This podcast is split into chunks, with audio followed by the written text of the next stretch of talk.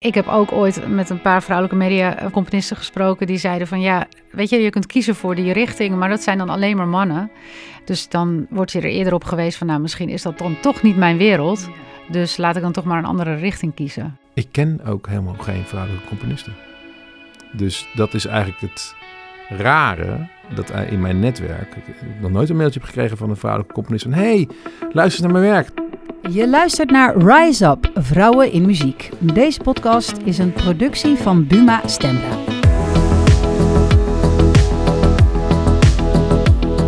Van alle bij Buma Stemra aangesloten muziekauteurs is slechts 14% vrouw. En dat is veel te weinig. Daarom gaan we in deze podcast het gesprek aan over gelijke kansen voor vrouwelijke makers in de Nederlandse muziekindustrie. Ik ben Merel Wielaert, in het dagelijks leven DJ en presentator bij Phonix en Radio 1, maar nu jouw host in deze podcast. Ik ga in gesprek met diverse mensen uit het muziekvak over de vraag hoe we de kansen voor vrouwen in de muziek verbeteren. Vandaag hebben we het over mediamuziek. Dat is muziek die speciaal gemaakt wordt voor bijvoorbeeld commercials of films. En ik spreek daarover met Maartje Glas, Marlijn Snitker, Diede in het Veld, Rachel van Bommel en Tessa Rose Jackson. En ik denk ook dat als die actualiteit er niet was geweest, had ik nooit op die functie. Uh, ja, hadden mensen eerder om zich heen gekeken, in hun eigen netwerk gekeken voor iemand voor die positie. Maar omdat ze nu uh, nou ja, een soort van quotum hebben en dus meer om zich heen keken en ik die kans kreeg. Uh, en ik kan ik ook laten zien wat ik kan. Dus als ik met een orkest werk, ja, dan is er een moment dat ik met uh, 40 uh, man of 60 man of 20 man in een opnameruimte zit met, uh, met technici erbij en 40 man, hè? hoorde je Ja, ik zei? wilde het letterlijk gaan zeggen. ja. Je hoort Maartje Glas en Merlijn Snitker. Maartje is genre-manager mediamuziek bij Buma Cultuur en general manager bij Buma Music in Motion platform dat zich richt op muziek en media. Ze zet zich in voor muziek in films, games, reclames, trailers en andere soorten media. Ook werkt ze veel samen met verschillende grote filmfestivals in Nederland. Ook aan tafel zit Marlijn Snitker. Marlijn is componist en produceert muziek voor speelfilms, tv-series, commercials en alles wat met media te maken heeft. Ik stel hen de vraag of zij bekend zijn met het feit dat slechts 14% van de makers die zijn aangesloten bij Buma Stemra vrouw is. En daar schrikken ze van. Uh, dat zegt mijn eerste reactie, dat is heel weinig. Ja, en in de film, filmcompositiewereld of de mediacompositiewereld is dat denk ik ongeveer gelijk. Maar dan kijk ik ook Marlijn weer aan. Maar uh, misschien zelfs nog wel minder. Nou ja, jij kijkt mij aan, maar ik, ik hoorde gisteren uh, vanuit de uh, redactie voor deze podcast dus ook dat dat 14% was. En ik schrok daar eigenlijk best wel van, want toen dacht ik, wow, mijn, mijn beeld is echt helemaal verkeerd. Want ik had het idee dat het aandeel auteurs wat zich aanmeldt bij Buma Stemra, of lid is van Buma Stemra, ja, als je mij had gevraagd, doe een gok, dan had ik gezegd misschien 60% man, 40% vrouw mm. of zo. Ja. Ja, ja omdat, ja, ik heb het idee dat er in de, in de popmuziek best wel veel uh, uh, uh, vrouwelijke muzikanten, tekstschrijvers, componisten, zangeressen en zo werkzaam zijn. Maar ik ben gisteren eens te raden gegaan bij wat vrouwelijke collega's van mij. en daar heb ik dat nagevraagd van, goh, hoe ervaren jullie dat in het kader van dit onderwerp waar we over spreken? En um, ja, daar die, die bevestigen dat toch wel dat het, dat het best wel conservatief nog is in de muziekwereld. Dat mm. uh, vooraan op het podium staat er weliswaar een zangeres. Maar jij noemde het net al eventjes in de inleidende gesprek voordat we begonnen met opnemen. Dat, uh, dat je ziet niet zo heel vaak een uh, vrouw achter een drumstel zitten. Nee, dan heb ik het over mijn dochters van vijf en acht. Die onbewust opgroeiden met het beeld dat bijvoorbeeld het drumstel een jongensinstrument was. Dat zeiden ze ook van ja, maar dat is voor jongetjes kwam ook door boekjes waarin ze zagen dat de harp en de, en de, en de, de viool en het, het, zingen werd dan gedaan door het meisje in het boekje. En het drum en de gitaar en de basgitaar was dan de jongen uh, in het boekje.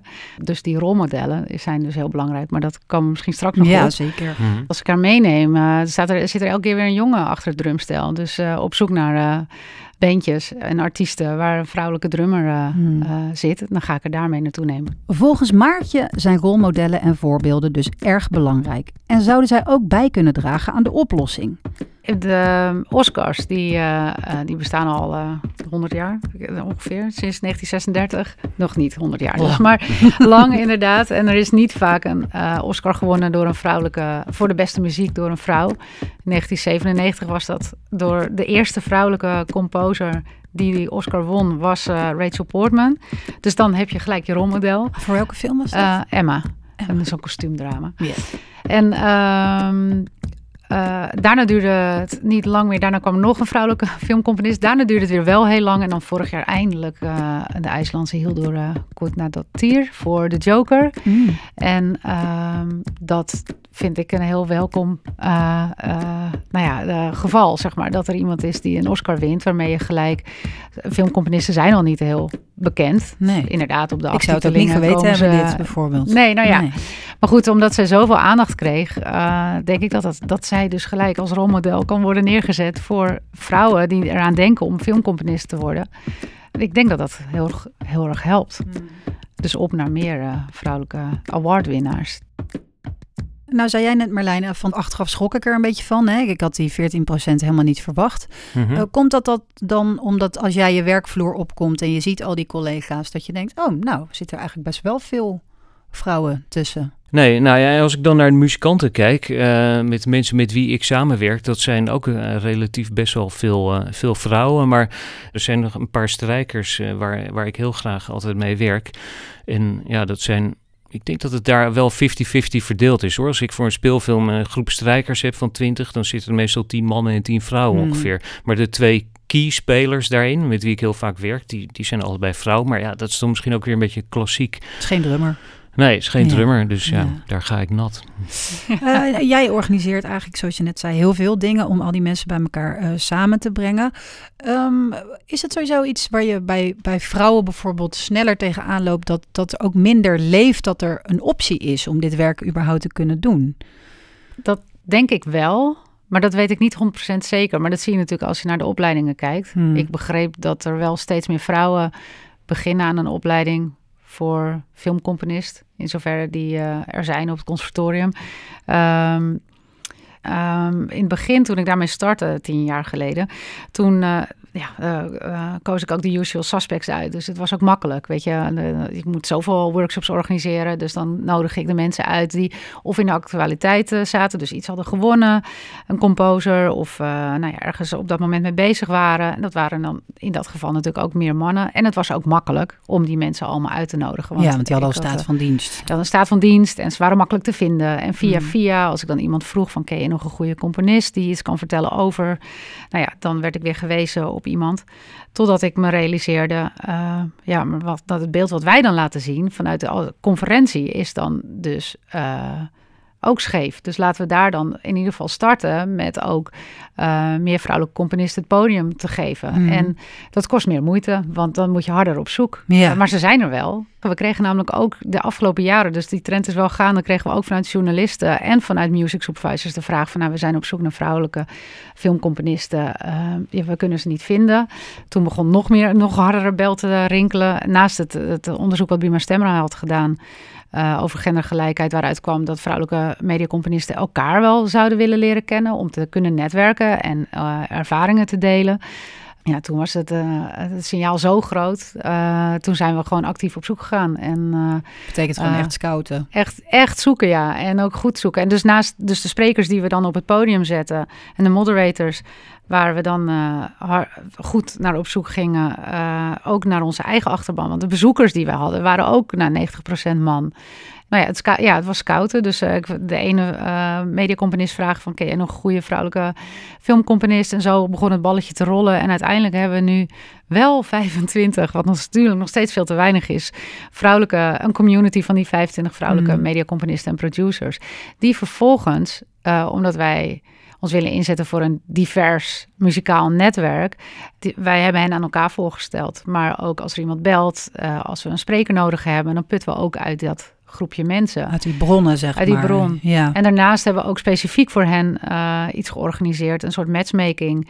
netwerkevent waarbij we potentiële opdrachtgevers hadden uitgenodigd van joh, we hebben hier 25 vrouwen die allemaal een eigen profiel hebben en een eigen kenmerk. Die hebben we allemaal met een biografie op de website gezet, eh, waarbij ze ook een link hadden naar hun eigen muziek. En we hebben potentiële opdrachtgevers gevraagd van joh, ben je op zoek naar nieuwe muziek? Ben je op zoek naar een specifiek geluid? Uh, weet dan ook dat dit ook een groep mensen is waar je uit kunt putten en waar je afspraak mee kunt maken om te kijken of er een uh, match is. Dus toen uiteindelijk waren er uh, heel veel afspraken gemaakt met vrouwelijke producers en regisseurs, maar ook mannelijke opdrachtgevers die dan dus in gesprek gingen met die vrouwen.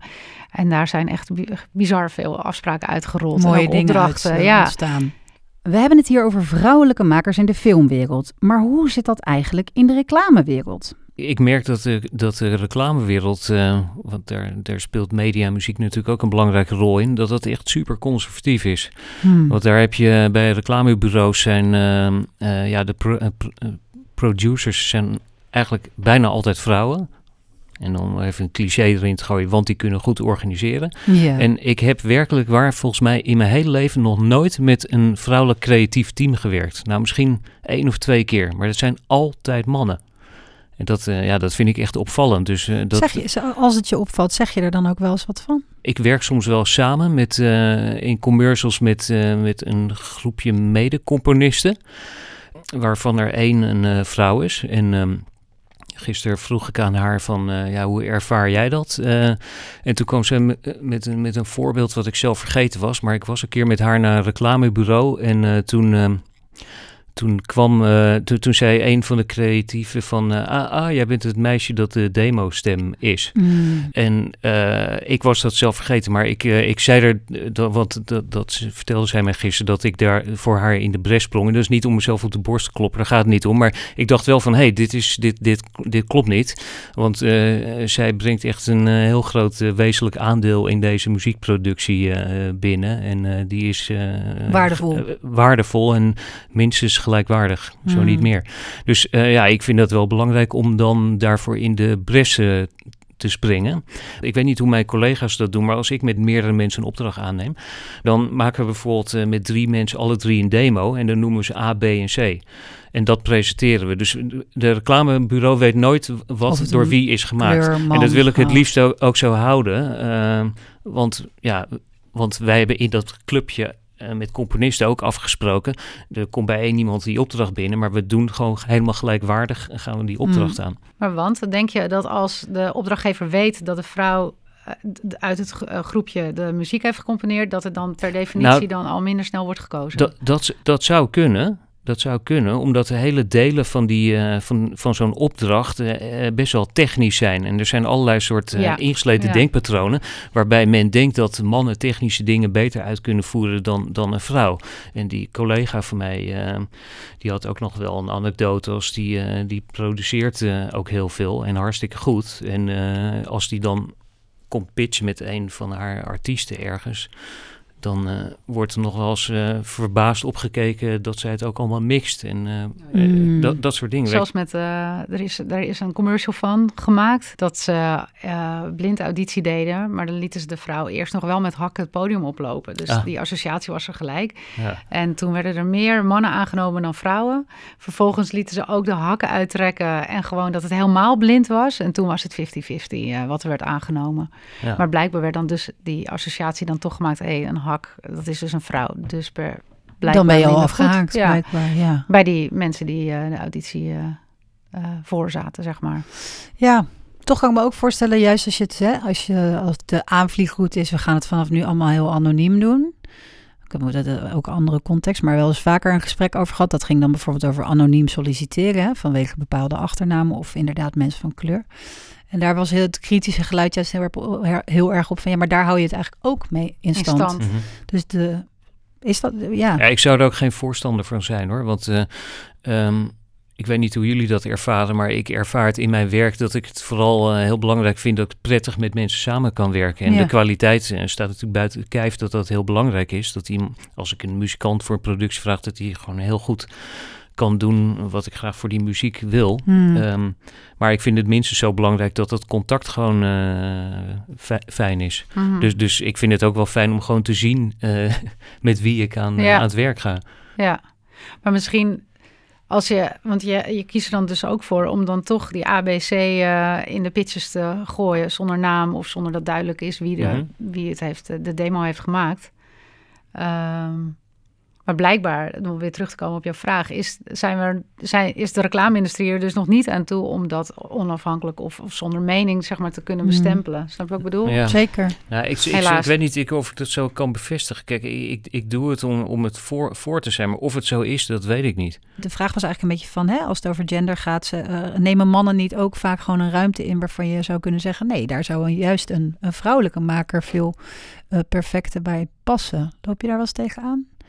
Dus dat er bijvoorbeeld speelfilms zijn waarvan je denkt, nou ja, het is een, het is een vrouwelijk verhaal. Misschien is het ook logisch om daar een Oh. vrouwelijke composer bij te zoeken. Ja, oh, daar, ja, nou, nee.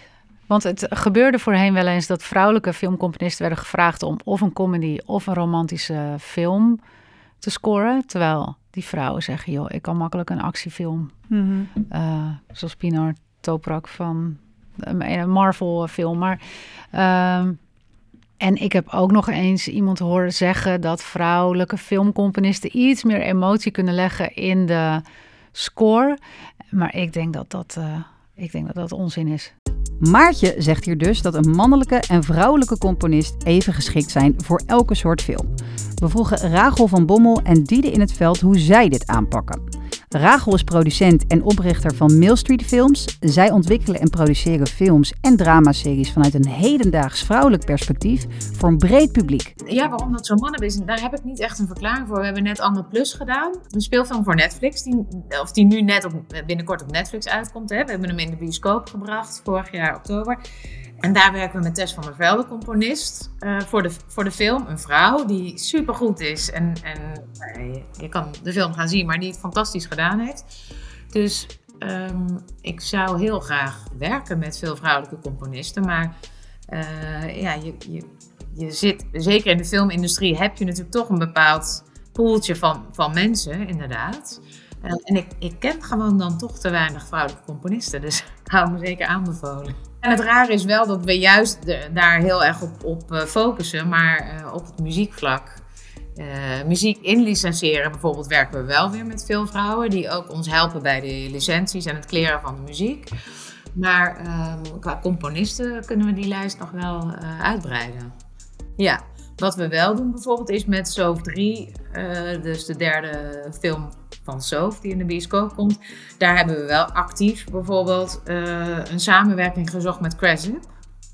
Met Jacqueline heeft uiteindelijk met ons de film bekeken en ook twee nummers, eh, of de, de eerste montage eigenlijk die we hadden van de film. En hebben we echt in, in gesprek met de eh, regisseur en haar hebben we echt een, een gesprek gehad over wat voor titelsong zoeken we voor de film.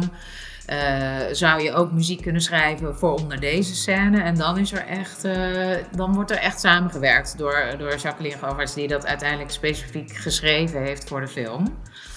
Dus daar hebben we wel specifiek naar een, ja, een vrouwelijke eh, muzikus ge- gezocht eigenlijk. Iemand anders die actief is in de filmwereld en dus veel met mediamuziek werkt, is regisseur Diede in het Veld. We kennen hem van onder meer films als Kruimeltje, Celblokka en de serie Spangas. Ook maakt hij veel reclames en muziekvideo's. En is hij het met Rachel eens en hoe ziet hij dit vanuit zijn positie als filmregisseur? Heeft hij misschien ook oplossingen voor dit probleem? Op regievlak en op acteursvlak en op eh, schrijversvlak en al, al dat soort vlakken ben ik wel heel bewust bezig met, eh, met verhoudingen en, en hè, zorgen dat het een goede weerspiegeling is van maatschappij. En, eh, maar eh, in, in muziek, in de componistenkeuze, nog nooit over nagedacht. Ik denk dat het dus heeft te maken met zichtbaarheid. Ik denk dat ze dus niet zichtbaar genoeg zijn, die vrouwelijke componisten. Als ze er, als ze er zijn. Ik, want tot op ik ken ze dus ook niet. Ehm, dus dat is heel bijzonder. Want ik denk dat je dus moet zorgen dat ze dus op een andere manier zichtbaar zijn. Zodat wij met elkaar ook kunnen, kunnen kiezen voor, ook voor de vrouwelijke componist. Ik vind het heel belangrijk voor de camera. En ik vind het ook heel belangrijk in allerlei andere functies. Dus als schrijvers, weet je wel. Als ik een, een serie wil maken die gaat over een meisje. eh, toevallig heb ik een serie ontwikkeling nu. En eh, ja, ik als eh, een middle-aged white man ben niet de juiste man om een serie te schrijven over een meisje van 15. Dus dan moet er in mijn team moet er gewoon een vrouw bij die dat vrouwelijk perspectief gewoon heel goed kan meegeven.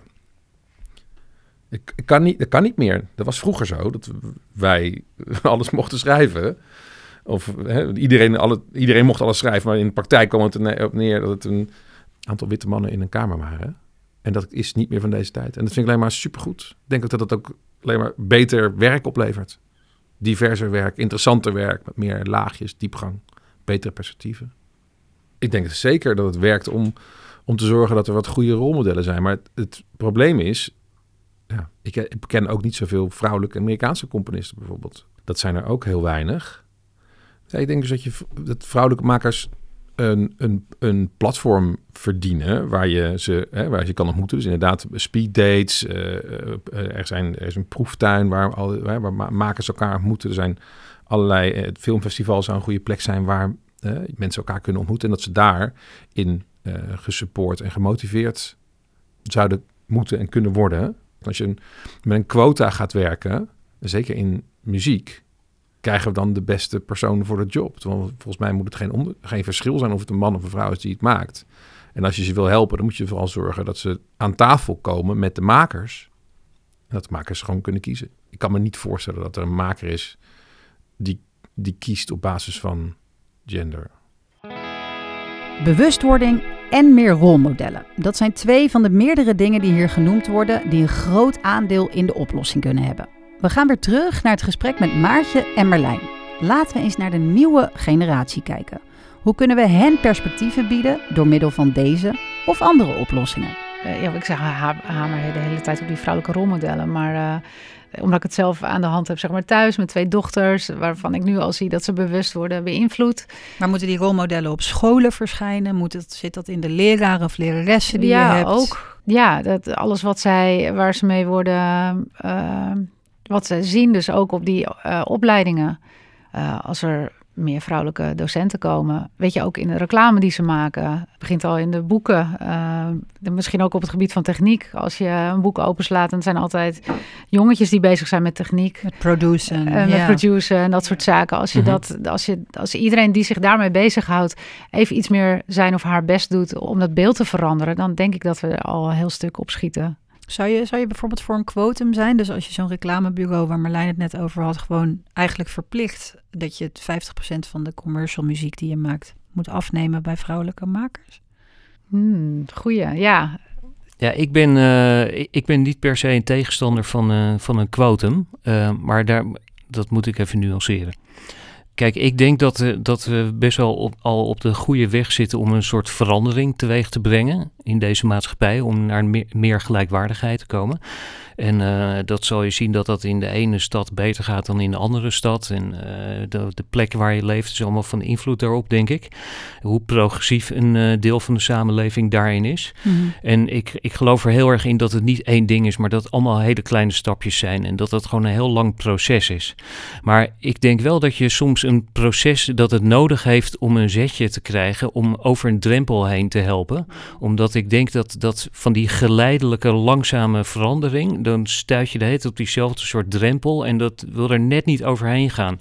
En ik kan me voorstellen dat een quotum het is een beetje een paardenmiddel, maar wel kan helpen om een, om een verandering teweeg te brengen. En dat uh, veel mensen zullen dat als negatief ervaren, maar ik denk wel dat het soms nodig is. En dan, als je er overheen bent, over die drempel, dan kan er langzaam weer iets ontstaan waardoor dat mm. hergebalanceerd waardoor kan worden. Het natuurlijker ja. verloopt. Maar ja, als ik daarover nadenk, dan denk ik dat je het niet op die manier moet doen uh, dat, dat je 50% van je commercial muziek moet door een vrouw gecomponeerd worden. Mm. Ik denk dat het veel meer zit in wat Maartje eigenlijk dit hele gesprek al de hele tijd uh, benadrukt, dat het gaat om die rolmodellen. Dus ik denk dat je prima een quotum in kan stellen voor als jullie een conferentie organiseren met, uh, met rolmodellen die iets belangrijks vertellen, dan is gewoon 50% van die mensen in dat panel is vrouw. Want dat is voor iedereen vrij pijnloos. Is het zaadje wel bij die mensen geplant. En weet, ik denk wel dat zij daardoor denken van... oh god, ik uh, ga naar die conferentie en ik ga daar... Uh, eh, mensen ontmoeten. Hé, hey, maar wacht even. Ik ben me bewust van het feit dat ik uh, mijn, mijn personeel meer diverser wil maken. Uiteindelijk gaat het ook over wie de gatekeepers zijn, toch? Ja. Dus over hè, de, de, de, mannetje of het poppetje ja. wat helemaal bovenin zit. Als die altijd uiteindelijk bepaalt wie het gaat worden. En dat blijkt toch nog heel vaak een man te zijn. Man ja. te zijn dus. Misschien nog een voorbeeld. Er was een vacature voor een raad van toezicht van een poppodium. En ik voelde me totaal niet geroepen om daarop te reageren. Terwijl ik dacht ik zag de vacature en ik dacht, hey, leuk. Dat, en het is mijn poppodium waar ik vroeger altijd kwam. Het zou goed zijn voor mijn carrière. Maar uh, in mijn hoofd, en dit is nog maar twee jaar geleden, zag ik daar een raad van toezicht met allemaal van die mannetjes zitten. Wat vervolgens dus uh, ongezien ook zo was. Mm. Gelukkig was bij hen die discussie actueel. En uh, gelukkig bedacht ik me, ook door die discussie die ging, van ja, maar wacht even, waarom zou ik niet solliciteren? Ik ben inmiddels uh, rond de 40 en uh, ik heb al een, uh, een carrière, dus ik zou misschien nog best wel eens een kans kunnen maken mm. op zo'n functie. Vervolgens twijfelde ik nog en vervolgens twijfelde ik nog steeds en vervolgens dacht ik, nou, ik stuur toch maar een sollicitatie op en ik word het toch vast niet. Mm. En gelukkig werd ik het wel. Volgens mij gaat het heel erg over bewustwording bij makers en dat je zelf een verantwoordelijkheid voelt om daar wat mee te doen. Maar nee, maar ik, ik denk dat het heel belangrijk is om dit soort podcasts en, uh, en dat er gewoon veel bewustwording gecreëerd uh, wordt. En dan is dan alle makers, mensen die een belangrijke rol in dat hele debat of in, die, in dat mm. werkveld spelen om, uh, om dat wel of niet op te pikken. hebben we niet gewoon een paar, als we het toch over rolmodellen hebben, dat je zegt, nou, dit zijn echt vrouwen die moet je in de gaten houden als het over dit werkveld gaat. Maartje noemde net wel even een andere podcast waar we in zaten, waarin we allebei uh, dezelfde muziek uit hadden gekozen van uh, Annelot Koster, een super getalenteerd uh, iemand. Um, Tessa Rose Jackson is een super goede componist die echt heel erg veel dingen doet. Uh, Aislinn Bauer is ook zo'n vrouwelijke componist. Ja. Um, Ella van der Woude. Ella van der Woude, ja. ja. Ook, ja zij heeft de muziek gedaan van Instinct, film van Alina Rijn. Sunna Weermeijer een Nederlandse filmcomponist die uh, wel al heel lang geleden naar LA is verhuisd. Uh, en veel Hollywoodfilms heeft gedaan.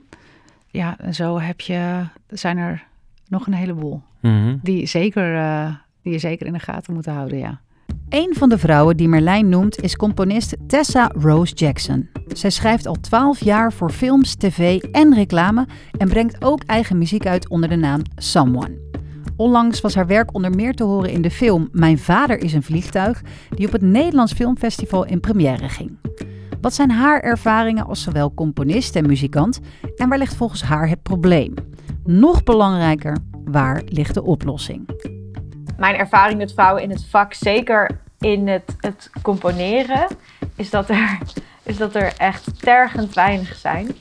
Af en toe schrik ik daarvan en ik vergeet het wel eens, omdat het af en toe best een solitair kan zijn. Uh, en dan, dan ben ik opeens weer ergens op een workshop en dan valt het me op dat van de 50 mensen in de zaal ik een van twee of drie vrouwen ben. Het is een soort self-fulfilling prophecy. Hoe minder voorbeelden je hebt, hoe minder snel je toch zoiets, zo'n loopbaan zelf gaat uh, ambiëren of zelf gaat bedenken dat dat überhaupt een optie is. Ik denk dat dat vooral heel veel aan de hand is. Um, wat ik wel heel fijn vind om te merken is dat er steeds meer aandacht wordt besteed aan het vergroten van die groep en uh, zichtbaarheid. En uh, zeker via bijvoorbeeld Buma Music in Motion zijn er uh, um, samenwerkingen en projecten met vrouwen om elkaar te leren kennen en, en elkaar, van elkaars bestaan te weten.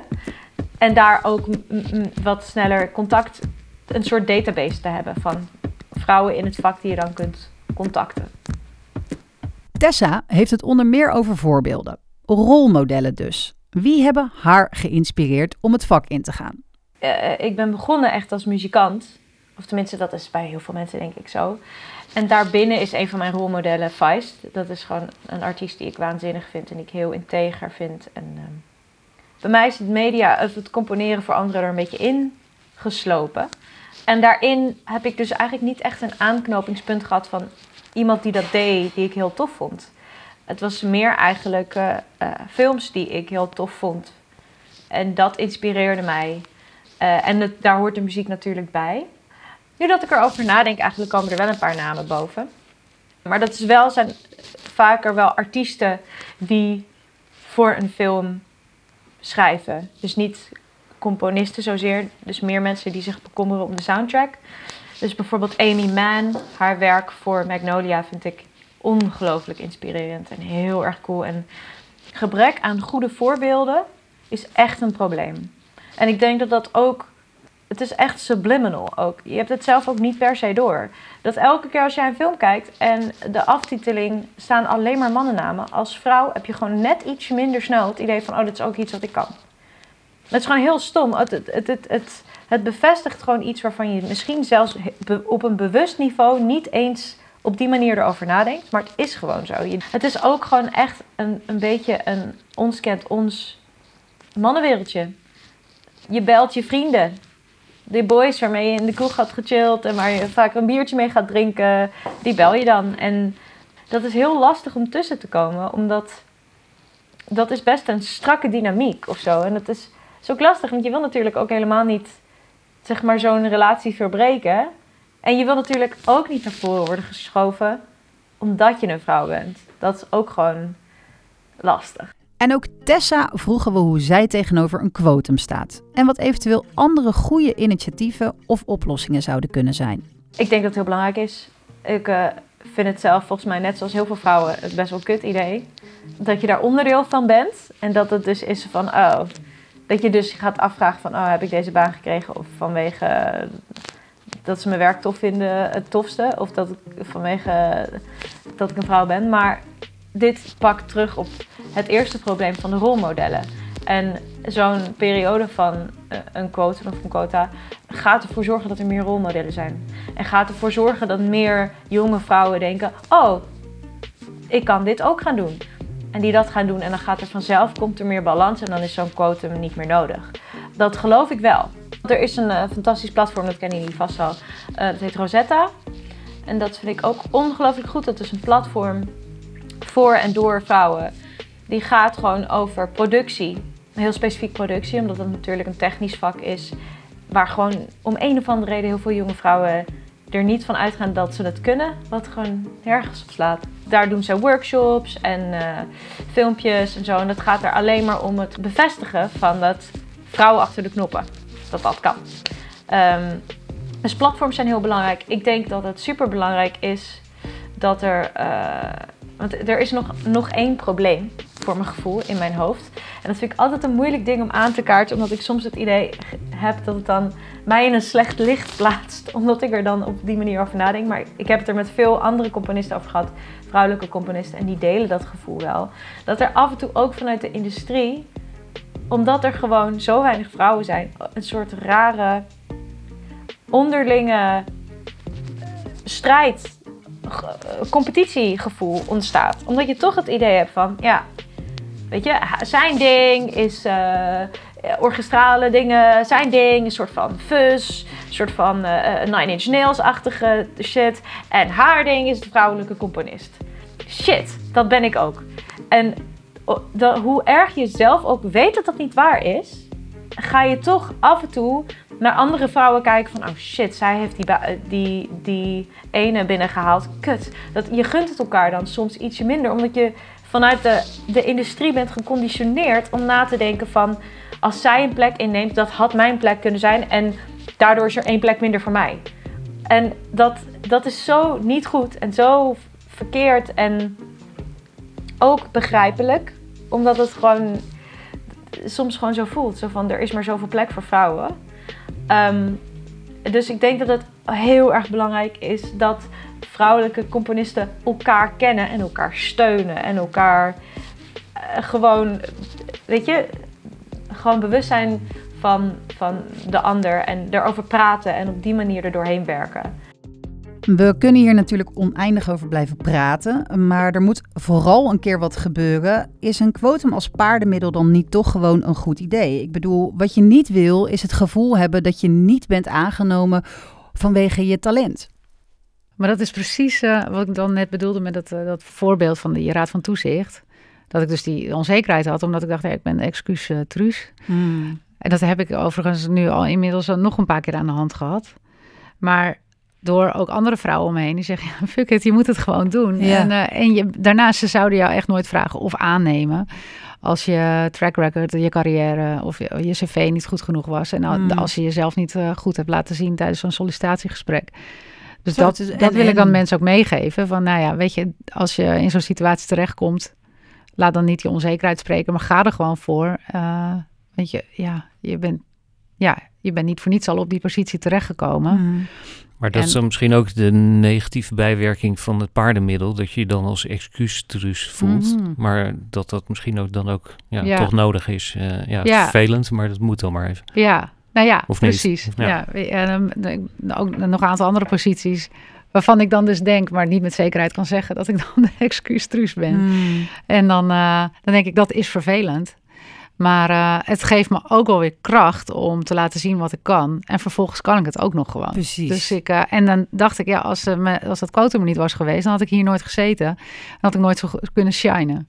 Ja, eigenlijk hoop ik dat we over een jaar, nou ja, net 10, 5, volgend jaar, dat, die, dat Gisteren. woord excuustruus er gewoon niet meer voor, voorkomt. Ja, eigenlijk wat je dan net zei, eigenlijk groei je dan zelf in zo'n rolmodelpositie. en Ja. iedereen die dan in dezelfde situatie zit, die mag, dat, mag zichzelf vooral geen excuustruus noemen. Want eh, je, bent, ja, je bent goed genoeg. Eh, en als je solliciteert op die functie wordt aangenomen, dan heb je gewoon dat talent. En eh, ben je zelf het rolmodel. Ja. Voel je je ook soms heel erg een rolmodel? Kan je ook wel eens heel zelfverzekerd de dag doorgaan en denken, ja, ik kan dit ook gewoon. Ja, Ik denk dat we het nu voor nu af moeten ronden. Het gesprek is nog niet gevoerd natuurlijk. Dus hopen dat we een combinatie kunnen maken van het hier vaker op alle werkvloeren waar wij komen over kunnen hebben. En dat er een keer, welk paardenmiddel het ook gaat worden, maar dat er een keer wat, eh, wat gebeurt. Ik wil jullie heel erg bedanken voor nu. Thanks. jij ook. Jij ook. bedankt. Dank je. Dankjewel.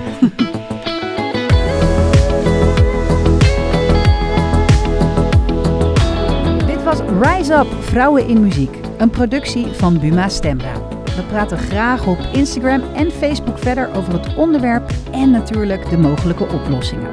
We gaan het in de volgende afleveringen onder meer hebben over de vertegenwoordiging van vrouwen in productie en programmering van muziek. En wil je nou niks missen? Abonneer je dan snel op deze podcast in jouw favoriete podcast app.